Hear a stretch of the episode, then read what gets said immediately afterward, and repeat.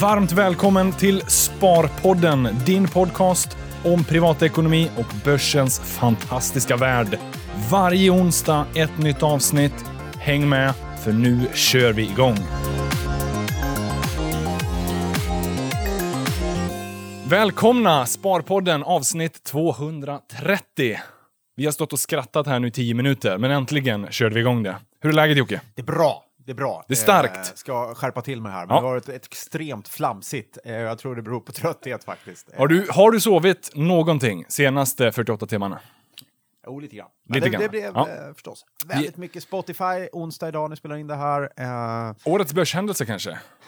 ja, Ja, det får vi se. Det är tror ju jag. Ja, fortfarande jag bara ett det. kvartal in det här året. absolut. Jag tror det. Men eh, Spotify är ju på alla släppar just nu. Eh, och du har kommenterat en hel del ute i media. Mm. Ja, så blev det förstås. Eh, och vi, vi får väl någonstans landa i lite, vad är det som har skett då? Nu har Spotify, nu är de noterade på amerikanska börsen, Nyse. Mm. Vilken grej. Vil, vilken grej, verkligen. Eh, det är väl en liten bragd för Sverige att kunna exportera något sånt stort eh, IT-bolag ut i världen. Ja, jag tycker det. Som ja. så många människor faktiskt använder och Det är älskar. extremt få techbolag som eh, når upp till den storleken utanför USA. Ja, Eh, det, är, de- det är bara amerikanska bolag som blir så där stora och sen har vi några, några i Kina också. Men eh, Europa har ju inte massproducerat techbolag direkt de här åren. Så att, eh, superkul att eh, Spotify går in på New York-börsen till den värderingen. För den eh, blev ju riktigt, riktigt hög. Det var en Närmare lysande start. 250 miljarder. Aktien handlades ju och steg eh, ganska bra i inledande handel. Även om det tog ett bra tag innan den kom igång. Det var Ja, väl det som förvånade ganska många. det tog brutalt lång tid. Eh, Vad, har du någon koll på gre- vad var det som hände liksom? Ja, lite faktiskt. Jag hade lite kontakt med lite folk igår, eh, igår kväll. Eh, jag tror att det var nog helt enkelt bara så att det var, Någon mäklare som... det var mycket att göra. Helt enkelt. Ja. Eh, och svårt att hitta det där priset eh, där man skulle släppa aktien. Och det är ju så att man får vänta, man får se vilka ordrar som kommer in och då är det så här, hur svårt kan det vara? Det är väl bara matcha alla köp, eh, köpare med säljare och så hittar man ett pris ja. där flest säljare möter köpare. Svårare än så är det väl inte, kan man tycka. Men det är ju det att du vet ju inte hur flödet ser ut in och ut. Alltså antalet ordrar som strömmar in dras tillbaka, nya som tillkommer. Mm. Så det, det är en... Och en speciell listning också, de byggde ingen bok inför. Utan de bara ah, direkt precis, noterades. Så att- precis. Så att, eh, det gick väl hyfsat snyggt, men aktien Ja. följde tillbaka sen ganska rejält. Så att, eh, nästan 10 procent, eller den föll tillbaka 10 procent Ja. eh, från var den startade till var den stängde. Så att, det blev exakt så volatilt som vi trodde.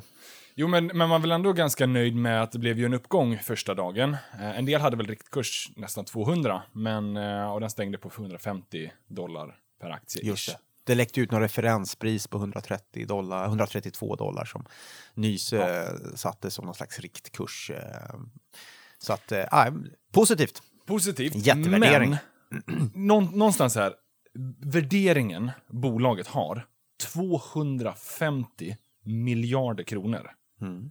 Jag har svårt att greppa det där. Alltså så här, det är ett stort bolag, de gör en sjukt bra tjänst.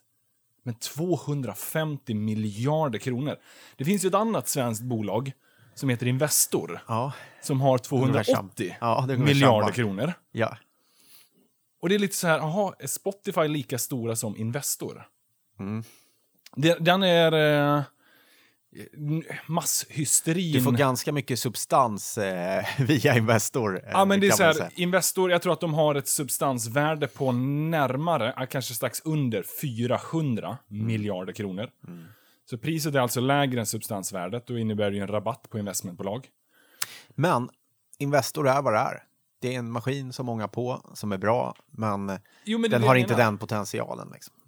Nej, men okej, Spotify har potentialen, men det Ja. finns ju ingenting som säger att de kommer uppnå den och realisera den. Så är det. Investor gör väl Absolut. kanske 50 miljarder i vinst. Mm. Kronor. Spotify gör 12 miljarder kronor förlust Mm. förra året. Och det är samma värdering.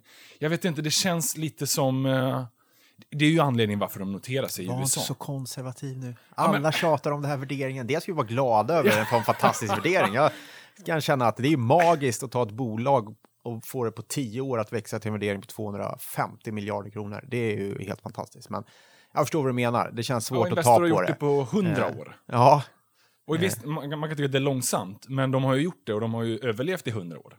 Absolut. Vi får väl komma tillbaka om 90 år och se vad Spotify står. Ja. Det är det jag menar lite. ja, men jag förstår. Är, är inte, Det är svårt att ta på det. ja, är det inte lite hysteri? Är det inte techbubbla 2.0?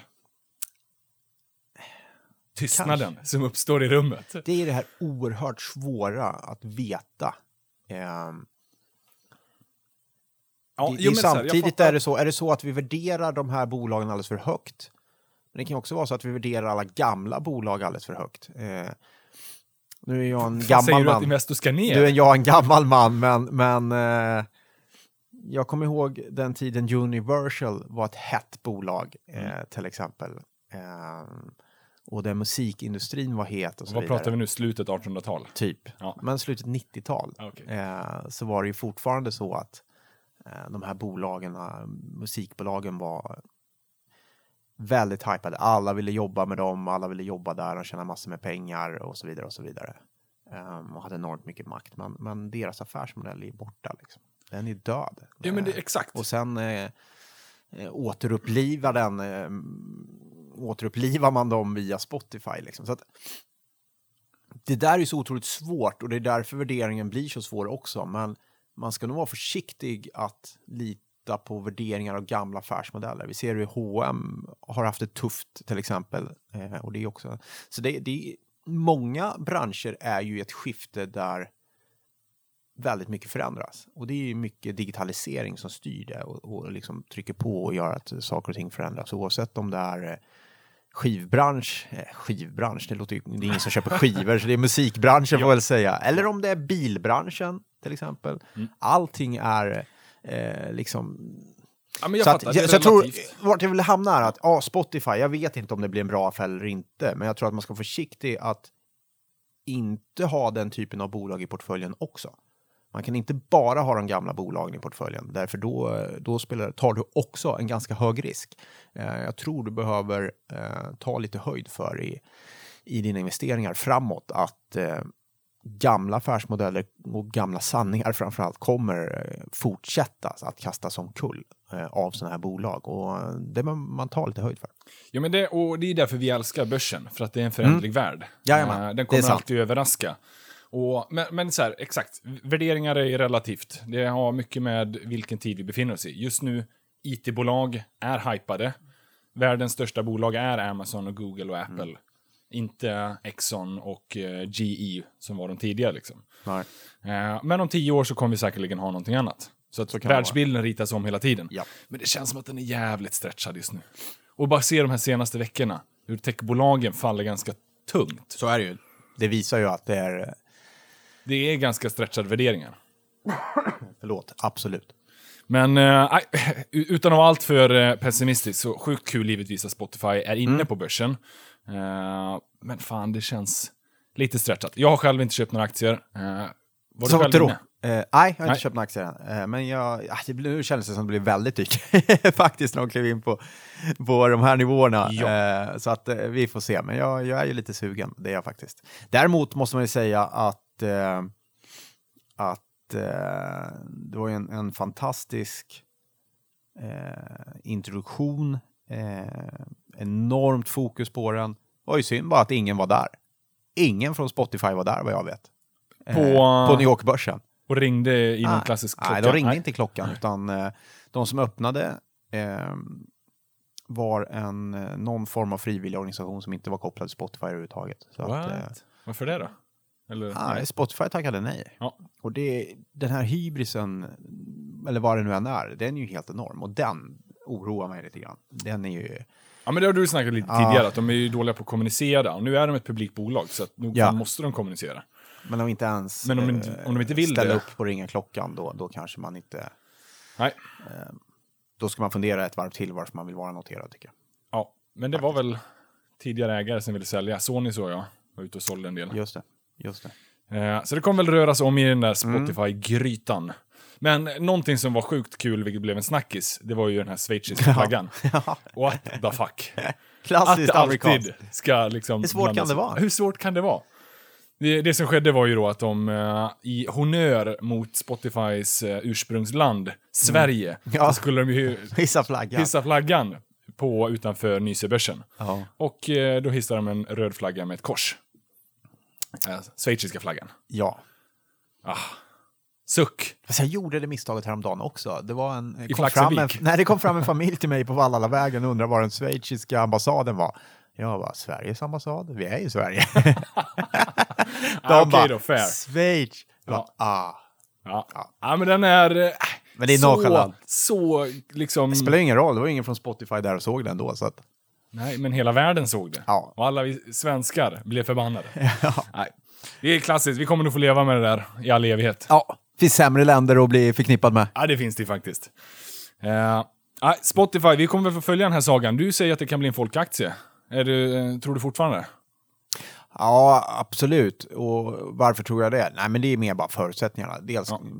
vi mätte ju intresset inför det här faktiskt. Gjorde en gallupundersökning eller vad det heter och frågade svenska folket. Det är ju ett sjukt stort intresse. 14 procent svarade att, att de är intresserade. Det betyder ju inte att man verkligen går in och blir Ägare? ägare, men ändå att intresset är så stort så att 14 procent kan tänka sig att bli investerare i Spotify. Det är ju sanslöst. När 18 procent är aktieägare totalt idag. Eller är enskild, äger aktier i enskilda aktier idag. Ja, av befolkningen. Av ja, befolkningen. exakt. Eh, Och att då 14 procent av befolkningen är lite småsugna på Spotify eh, tyder på att det blir ett jätteintresse. Så att, vi får väl se. Det är ju kursutvecklingen som avgör det, men förutsättningarna finns ju förstås när det är ett spännande bolag, Mm. ehm, ett svenskt bolag, en produkt eh, som inte alla använder, eh, men väldigt många. Ja, ja, ha, ha, ha, men väldigt många. Och eh, starkt varumärke. Man gillar ju produkten. Vi som använder den gillar den i alla fall. Tror jag. Ja, ja, absolut. Så att eh, det finns Men- väl bra förutsättningar för det. Men eh, det som avgör det, ja, det kommer ju vara aktiekursen och hur det går. Och i, i och för sig så är det ju så här, de har ju 40 gånger till de skulle kunna dubbla sig innan de är uppe på Apples nivå. Ja, Så att det skulle ju kunna, hysteriskt nog, kunna stigas i aktiepris. Men eh, fan, då är det... Då får de hitta på någonting nytt också. Om de ska upp där. yes. Men, men av nyfikenhet, vad är en folkaktie? Är det Jag någon som inte. någonsin vet det? Nej, jag vet inte. Det Det, måste, vara som- Claes, måste vara Claes Hemberg som har myntat det begreppet. Det känns som. Han, det känns, han var bra eh, på att hitta på sådana där... Ja, eh, han var folklig. Eh, ja, men han är bra på att hitta på sådana där ord. Eh, Ja. Så folkaktie, det, det är... Men det, det ska väl vara en aktie som är... är Ja, men man fattar ju. Ägd av många, många. och, och populär och, ja, eh, och sådär. Är en liksom Ericsson eller H&M eller ja, Investor eller vad nu. Ja. Storbolagen. jajamän. Ja, grymt. Spotify. Kanske årets händelse. Ah, vad fan, vi har tre kvartal kvar. Vi måste, Ja. Det måste ju hända någonting mer spännande det här börsåret. Annars vore Det kommer det ju- göra. Absolut. Men det här kanske är den största noteringen, eh, rent mediamässigt och medialt.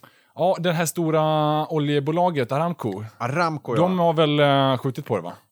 Ja, det är Eller lite oklart. väldigt tyst Kan, i liksom- kan komma sista kvartalet, men eh, vi får se. Ja, nej, då känns det nog som att det Den är ju större i By bolagsvärdering eh, by far. Ja. Ja, Det skulle bli den största någonsin. det får vi väl se. Men det är inte så täckigt. Det är ju väldigt classic Mm. affärsmodell, olja. Men de styr ju om mot mer teknik eh, faktiskt. Ja. Alltså i form av eh, eh, mycket solenergi tror jag. och Sånt där. Så Ja. de, de pysslar lite med sånt också. Det är ett spännande bolag. Aramco. Vi kommer tillbaka till Aramco tror jag faktiskt i podden. Det tror jag är också. ett spännande bolag. Eh, och rätt kontroversiellt förstås, på många sätt och vis. Ja. Grymt. Men du, eh, den här veckan så kommer det ju även eh, in lite skatteåterbäring. Ja, vad ska du göra för dem? Första slanten. Du förutsatte att jag får en skatteåterbäring. Ja. Det var jag tacksamt. Jag får ingen skatteåterbäring i år. Bra. Det ganska... ska man inte få. Då har man skött eh, Exakt. skatten exemplariskt. Exakt. Jag har en ganska saftig eh, återbäring, eller eh, restskatt, som Mm. jag behöver betala in. Men det gör jag mot slutet av året. Ja, självklart. Dra ut det på så mycket som möjligt. Jajamän. Räntan är billig. Ja. Själv då? Har du deklarerat Eh, än ens?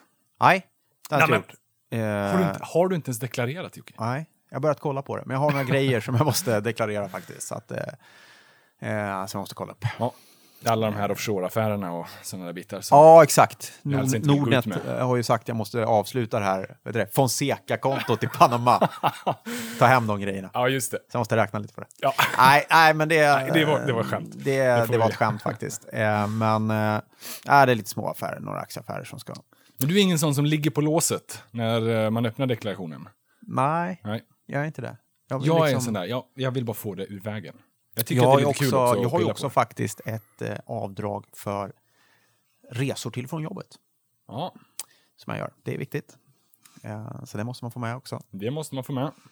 Um, och det är alltid värt att plocka upp deklarationen, kolla igenom den, stämmer den? Ja. Ska stämma. Nu för tiden stämmer det nästan alltid, uh, men uh, um, det kan vara viktigt. Absolut.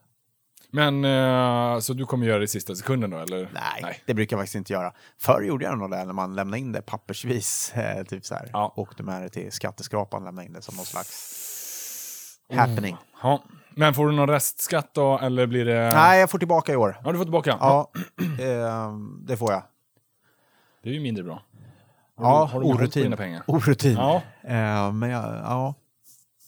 Nej, Men i vilket fall, de första utbetalningarna ska ju ske här nu i eh, början av april. Ja, Om man nu gjorde en digital. extremt... Eh, om du Tidigt. gör det rent, cleant, digitalt, inga ändringar, inga, då, då kan du få det redan eh, den här veckan eller nästa tror jag. Ja. Så det är ju, det är ju suveränt. Det är mycket, mycket snabbare än vad det tidigare varit. Mm. Så det är väl en stor eloge till Skatteverket. Ja, att de verkligen. utvecklar och förbättrar där. yes. Sen så, ja, har man nu eh, inte deklarerat innan dess så kommer du fortfarande få här.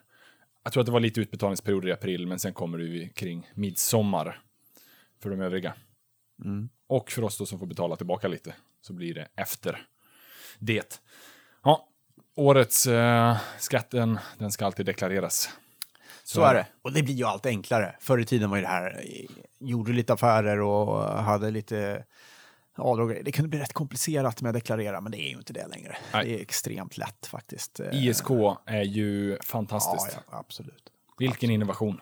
Ja, Den, eh, men verkligen, man, man tar lite för givet, men det ska vi, eh, den är ju otroligt hjälpsam. Och det är långt ifrån alla länder som har det lika fördelaktigt. nej. Så det är väl Långt också ifrån. varför Långt ifrån. det är så stor andel som äger aktier och Ja, investerar generellt sett i Sverige. absolut. Så det är grymt, det får vi fortsätta och Spara, får du återbäring, eh, investera dem. Investera Herregud, dem. investera. gör det. Jag var, ju på väg, jag var ju på väg att säga, gör något kul för pengarna. Nej, nej, nej, nej, nej.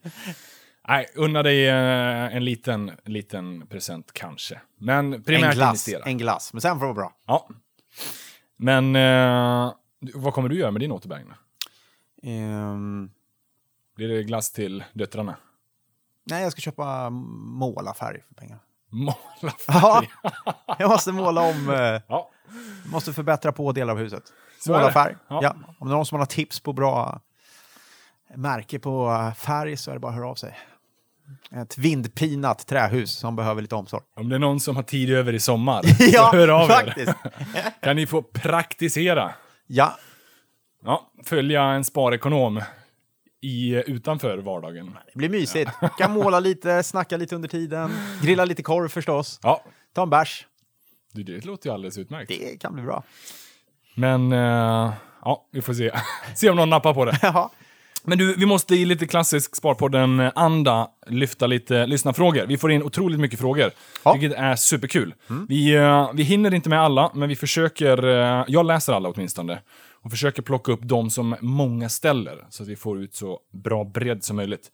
Men fortsätt gärna skicka in till oss på eh, antingen Twitter under hashtag Sparpodden, eller på Sharewill under gruppen då, Sparpodden. Men jag tänker vi kan börja med första. Det är från eh, Christian Ideryd på Twitter. Hej och tack för en trevlig podcast. Fråga till nästa avsnitt. Att sälja aktier. När säljer ni och vad har ni för strategier för det? Både vid upp och nedgång. Stopploss? Frågetecken. Målkurser? Frågetecken. Annat? Frågetecken. Och sist, vem av er har bäst fingertoppskänsla? Frågetecken. Och det, den är ju ganska uppenbar. Vem som har bäst fingertoppskänsla av oss två. ja. Eller? ja jag vet inte. Jag vet. Ja, Det är uppenbart. okej. Nej, men eh, hur, hur gör du Jocke? Nej, Säljer det- du? Det här- måste jag ju... Har du sålt dina förlustaktier som du har lovat att du ska sälja? Nej, jag har lovat det. Jag måste Ja. göra det. Jag är ju världens långsammaste. Och jag, jag är så här sjukt tråkig. Jag köper bara aktier, jag säljer sällan. Men det beror på. Vissa aktier, ehm, vissa innehav jag har, ah, men där har jag en målkurs, eller en målkurs, en, en botten, att där säljer jag. Är det så högriskaktier typ som Fingerprint, eh, då är det mer ett case. Då vill jag se liksom, om det händer eller inte. Eh, då vill jag liksom flippa på kortet. Då, då, då, då har jag inga sådana, då vill jag bara se vad det tar vägen. Eh, Och då är det generellt sett lite mindre pengar. Är inte hela Absolut, absolut. Och då kan det få gå ner till noll. Liksom. Eh, Det kommer fler sådana case genom åren. Om ni följer mig på Shareville så... Jag tror att det bara är ner 96 procent i din portfölj. Så att Ja, precis. finns det fortfarande. Finns lite att hämta hem. Nej, men så, det, så är det. Så det är lite olika beroende på vad det är för typ av innehav. Eh, men men eh, det, det där bör man ju sätta upp för sig själv, en strategi. Mm. Eh, så ha ett medvetet val. Låt inte bara segla iväg för att du inte hade någon strategi kring det när du klev in i positionen, utan tänk efter när du gör det, när du väljer att investera i en aktie.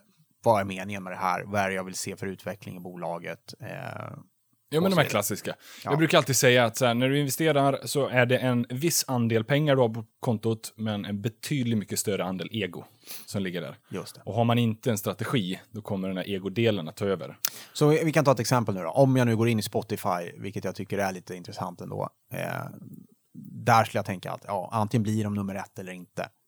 Blir de nummer ett, ja, då, då kommer den här aktien eh, Stiga, och stiga. då håller du bara på den, eller? eh, och, och då kommer jag hålla kvar den. Mm. Eh, misslyckas de, ja, då kanske den går ner till noll. Då. Jag vet inte, men det är ett bett som jag vill se då i sådana fall. Eh, Medan jag kanske tänker annorlunda då i min investering i Investor till exempel. Ja. Ja, men det är väl rimlig. En långsiktig. Jag är själv ganska liknande. Jag är inte heller jätteaktiv. Jag handlar ju mer aktivt än vad du gör, Mm. eh, åtminstone. Jag följer dig på Sharewill, så jag ser ju att det inte händer någonting alls. Nej, det händer ingenting. Det är väldigt tråkigt. Nu har det varit länge sedan du köpte till och med. Mm. Men eh, ja, det är diskussion för annat tillfälle kanske. Men jag själv... ja, absolut. jag Vi kan själv återkomma i den frågan. ja, Ja. vi får se var det landar. Aha. Men eh, jag försöker ändå ganska reguljärt köpa eh, i något form av månadssparande. Mm. Sen kan jag vara passiv emellanåt om det är... Nu är det ju ganska volatilt. Då har jag varit lite mer passiv. Nu har jag nog inte köpt sedan februari. Eh, början av februari kanske till och med. Bara för att det är lite osäkert. Så då är jag... Då kan, så här, vi har ju pratat om det tidigare, att ha cash är en position också. Mm. Att ha eh, lite krydd, eller lite krut när eh, tillfällen uppstår. Just det. Men annars så, jag kan sälja emellanåt om jag, jag, jag har ju en förkärlek för investmentbolag. Ja. Så att jag har ju väldigt mycket investmentbolag. För de är breda, de taktar på och de har stått under en lång tid. Sen kan det vara de som är i en ganska negativ trend, då kan jag hålla mig ifrån dem. Medan det finns de som är i en mer positiv trend. De kan jag då mer rida på. Sådana breda bolag följer ju börsen i sin, stor, i liksom, i sin helhet. Så det blir ju ganska utsmetade pendel, penseldrag. Det är sällan de stiger kraftigt eller faller kraftigt enskilda dagar eller enskilda veckor eller månader. Så att då kan man väl rida på trenden lite, är min ursprungstanke. Men jag köper ju primärt och säljer om det nu är så att det inte liksom ser alls bra ut. Och det finns inte så jättebra ambitioner framåt. Ja. Ratos är ett sånt exempel. Jag har haft dem tidigare, men de bara fortsätter att, att takta i fel riktning. Bolaget står inför en strategivändning. Då är det lite osäkert. Vad ska de göra av det här? Vad, vad kommer det vara? Det tidigare som fungerade fungerar uppenbarligen inte längre. Så man behöver ju tänka om. Då kan jag stå utanför under tiden de gör det arbetet. Ja. Men, Men det, eh, det, ibland är det också de där besluten att inte investera, om man ska säga Södertälje vet jag inte, men, men till exempel H&M en sån aktie Mm. hos mig, där jag gick in eh, med ganska lite pengar eh, och så vill jag se vart utvecklingen tog vägen. Eh, och sen har den sjunkit och då blir det så här, då investerar jag inte mer. Liksom. Det, det är ju inte en försäljning, men, men jag har ändrat strategin efter hur aktien har gått. Eh, så det, så eh, när man är otroligt trög i sitt eh, investerande som jag är så, eh, så gör jag ofta så liksom, att eh, jag går in, går det bra, kanske jag köper mer. Eh, men H&M är ett bra exempel där jag inte har gjort det. Liksom, och då är det liksom, ehm, så att ja, nej, men det är väl vettigt att ha strategier, men de kan se rätt olika ut. Ja, men det kan de göra. Det kommer finnas lika många strategier som investerare. Jag själv, jag försöker hålla det ganska lika viktat. Så att är det enskilda innehav som sticker iväg för mycket och andra som faller efter, då försöker jag balansera upp det. Ja. Inte varje månad, men med lite jämna mellanrum. Ur ett riskperspektiv är det att föredra förstås. Det, är, det är smart. Även om det är så att man i vissa fall säljer delar av de som går starkt, så har man ju fortfarande kvar en hel del. För mig är det bara bekvämt. Det är kanske inte det optimalaste ur alla liksom parametrar, men man kommer aldrig få det optimalt heller. Nej. Utan man behöver hitta det som fungerar för en själv. Eh, men det är sällan jag har några målkurser eller stopplosser, utan eh, det är om man gör mer kortsiktiga affärer. Jag gjorde faktiskt en eh, affär i, eh, när det föll ganska kraftigt. Här nu i början av februari. Okej. När OMX föll ner. Så då köpte jag en ganska liksom, kortsiktig indexinvestering. Och höll den i en, en och en halv månad. Då har man ju oftast ambitionen av att där överreagerade det neråt. Och då tänkte jag att det finns en viss potential för uppsving. Ja. Men, men då är det liksom, små belopp och en ganska tydlig kortsiktig affär. Annars så, majoriteten ligger bara långsiktigt. För att det är där vi tror att börsen har bäst potential. Så det är väl ett långt svar på eh, en svår fråga som, som är intressant. Många är nyfikna av det, hur man andra investerar. Eh, det är därför också jag gillar ett nätverk som Sharewill, där du kan se och interagera med andra. För du, man kommer alltid hitta att det finns så många olika. Jajamän. Eh, och i vissa fall kommer det gå bättre ena år och sen så kommer det gå lite sämre andra år. Men Absolut. hitta din ledstjärna, hitta din strategi och försök vara ganska konsekvent. Eh, rucka lite på den emellanåt, utmana sanningar, men eh, försök hålla dig till strategin. Yes. Så fingertoppskänslan var ju helt klart du där då? Ja, Ja.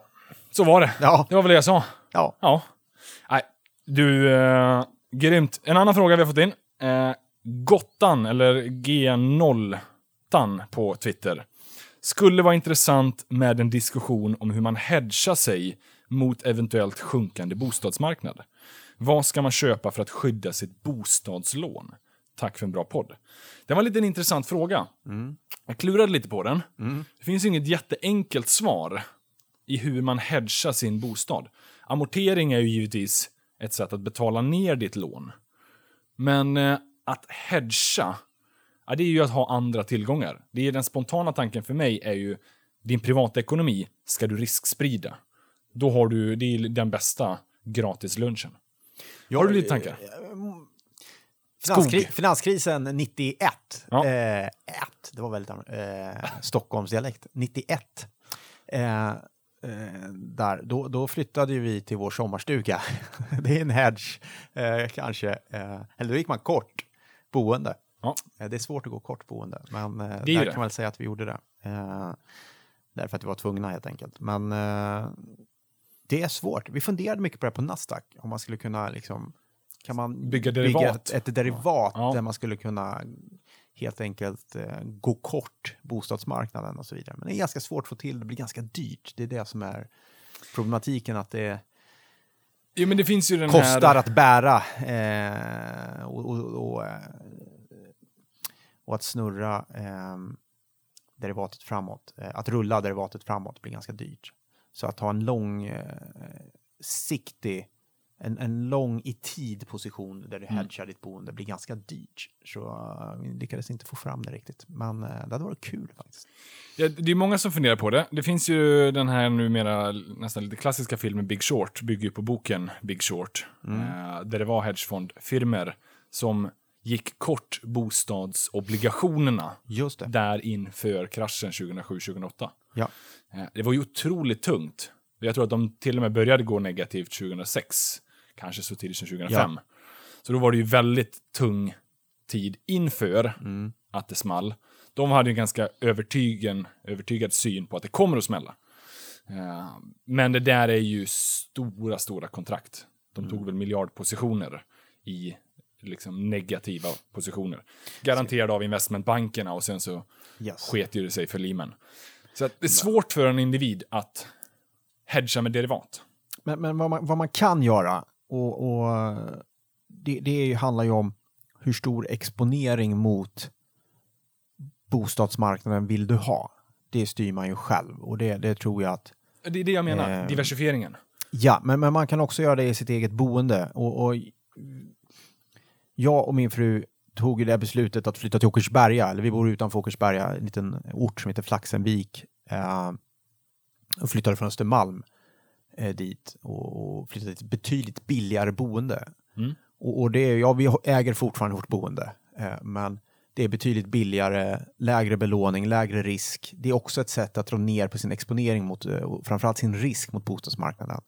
Och det tror jag att eh, för oss eh, gjorde det väldigt gott. Jag tyckte det var väldigt skönt att slippa ha den eh, exponeringen mot bostadsmarknaden. Sen har jag haft det ändå, liksom, men, på en betydligt lägre nivå och till en mycket lägre risk. Så det är ju ett sätt. Man kanske inte kan gå kort bostadsmarknaden och det är svårt att inte bo någonstans eh, om man nu man skulle kunna ta en hyresrätt förstås, men det är ett alternativ. man måste inte maxa.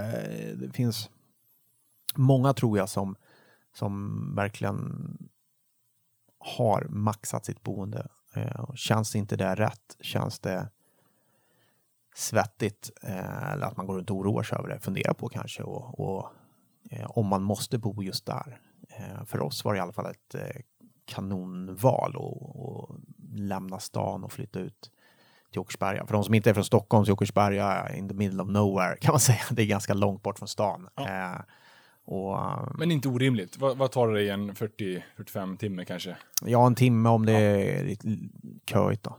Eh, men, men annars 40 minuter in till stan. Ja, men Så man, att, man bör ju det är liksom alternativet liksom. se över portföljen, eller sin Ja. totala ekonomi. Hur mycket ligger i reell, reala tillgångar, bostad?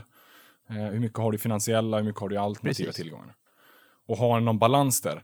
För det är ju, majoriteten har ju en överexponering mot bostaden i sin ekonomi. Och det Ja, har ju har drivet Absolut. av att priserna har ju gått upp. Eh, vi har haft en brist på bostäder. Ja. Vi har haft en kraftig urbanisering och många vill, många tror att det är en mänsklig rättighet att bo innanför tullarna. Mm. Eh, Men, men huspriserna har gått upp liksom överallt tror jag. Eh, även så här hemma i Karlskoga och Degerfors och orterna i Värmland och sådär. Så att det, det har sett ut så på många ställen i Sverige att, att huspriserna har dragit iväg. Ja, men, men det går inte att blunda för att 80% av svensk BNP, det är bostadslånen. Eller bostadslånen utgör, eller lika stora som 80% av BNP. Vilket gör att vi har ju en väldigt, väldigt stor skuldsättning i Sverige när det kommer till bostadslån. Men vi, vi äger våra hus också. Det är en... Oh, men det, Eh, man det kan är inte blunda för att det är en viss oro Men i det. absolut, absolut. Eh, så att det är nog absolut sunt att fundera över det här åtminstone och hela tiden tänka vad har jag för risk? Vad händer om Yes. räntan stiger? Eh, och vad händer om nu tillgångspriserna faller på bostäder? Vad har jag för andra besparingar? Men, Mm. Jag vet eh, inte om du har svarat på frågan direkt, men, men det var ett svar. annars så, ring en investmentbank, se om du kan korta lite bostadsobligationer. Ja. Se om det går att få till. Vi ska se om vi hinner med en sista fråga också. Eh, vi skulle kunna ta Rousseau på Shareville. Hej, Stockholmsbörsen är, omfattar en väldigt låg andel i den globala aktiemarknaden, men ändå utgör den ofta majoriteten av vårt sparande. Vad har ni för rekommendationer för att exponera sin portfölj mot fler marknader och kontinenter, samt vad anser ni vara en sund exponering? Vi har pratat om det här lite tidigare, men vi får den frågan ofta. Just att vi bor och lever i Sverige. Eh, all, om man bara kollar på Nordnets kunder så är ju Ja. majoriteten av exponeringen i kapitalet mot Sveriges börs. Och en del kan ju då tycka att ah, det är inte så jättebra riskspridning. Sverige är ett litet land i den globala poolen som vi kallar för världsekonomin. Men samtidigt, vi lever och bor här. Vi konsumerar kronor, vi kommer pensionera Ja. oss i kronor. ja. Så att ha exponering mot kronan och Sverige är ju inte helt fel. Nej, det är det ju faktiskt inte. Men diversifiering är ju oftast sunt, eller det är sunt. Andra tillgångspriser. Dollarn kan stiga, dollarn kan falla, men har man det utspritt över globala marknaden, då har man ju en hög träffsäkerhet åtminstone, att någonting stiger. Så är det. Så ökar det genom att köpa utländska tillgångar, det enklaste är ju en global fond. Eller en global ETF. Ja, Det är by Det är- far det enklaste. visst är det så. Det är billigt, du får en bred liksom, exponering. Indexfonder med global inriktning kan idag kosta 0,2-0,3 procent i förvaltningsavgift. Så det är otroligt billigt. Då får du globalbörsen passivt, men, men det, det fyller funktionen för diversifiering. Så det kan jag nog tycka ändå är en ganska sund, sunt sätt att plocka in i portföljen, om man nu inte har den globala andelen. Sen så vi pratar ju också ofta om att våra svenska bolag är ganska globala. Bara kolla på Spotify nu. Det är ett svenskt bolag ursprungligen, Ja. men har ju prenumeranter över större delen av världen. Ja, Noterar sig nu till och med i USA. Så att, absolut. B- ja, Stor del av de svenska bolagen jobbar väldigt mycket med export. Eh, Det Ja. får liksom exponering mot den globala världen. Eh, Den globala världen, kan man säga så. Men, men, men, men mot övriga världen i alla fall. Ehm, Men ska man ge sig in på att utvidga sin aktieportfölj så är det förstås närmast att se till de nordiska grannländerna kanske. Eh, och bortanför till USA. Men då, då krävs det lite mer förstås. Att man är intresserad och tycker det är bolag som är spännande att följa. Mm. Eh, men det är ju inte omöjligt heller förstås. Nej, verkligen. Avslutningsvis tänkte jag att vi ska lyfta lite spartips vi har fått in. Mm. Eh, HB Invest på Sharewill. Hej Sparpodden! Slänger in ett sunt spartips, då det trots allt är en sparpodd vi lyssnar på. Och det, det stämmer. Mycket bra. Eh, enkelt men väldigt tydligt. Jag brukar nästan alltid slå ut vad diverse abonnemang och fasta månadsutgifter kostar mig per år för att få en mer rättvis bild. Och det ger mig ofta en sundare bild av vad jag egentligen betalar för det. Och ibland leder det också till att jag förändrar mitt beteende. Varför jag lyfter den här?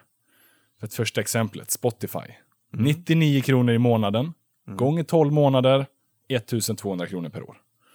Netflix, 109 kronor gånger 12, 1300 kronor per år. Busskort, mobilabonnemang och så vidare. och så vidare. Eh, jag tyckte det var ganska bra när vi träffade Phil och Kill-podden. Där Lone Wolf tror jag det var som sa, han, hade, han var nästan allergisk mot fasta utgifter. Och det är ganska bra att se över det där emellanåt. Absolut. Använd de tjänsterna. Yes. Sen alla kommer inte vara lika åtdragna när det kommer till musikkonsumtion som jag är kanske. Nej. Men, men det är alltid viktigt att se över. Ja.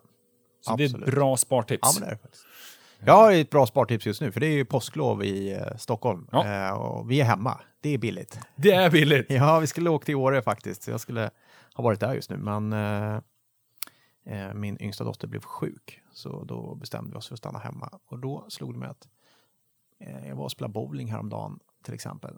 Kostade nästan ingenting. Nej. Det var ju hur kul som helst. Och ibland glömmer man bort det där, att det går att göra massa kul på hemmaplan. Finns hur mycket som helst. Köp ett paket hotdogs, ut och grilla. Faktiskt. Guld värt. Faktiskt. Ja, men det är det. Och är billigt. Det är, det är mitt spartips.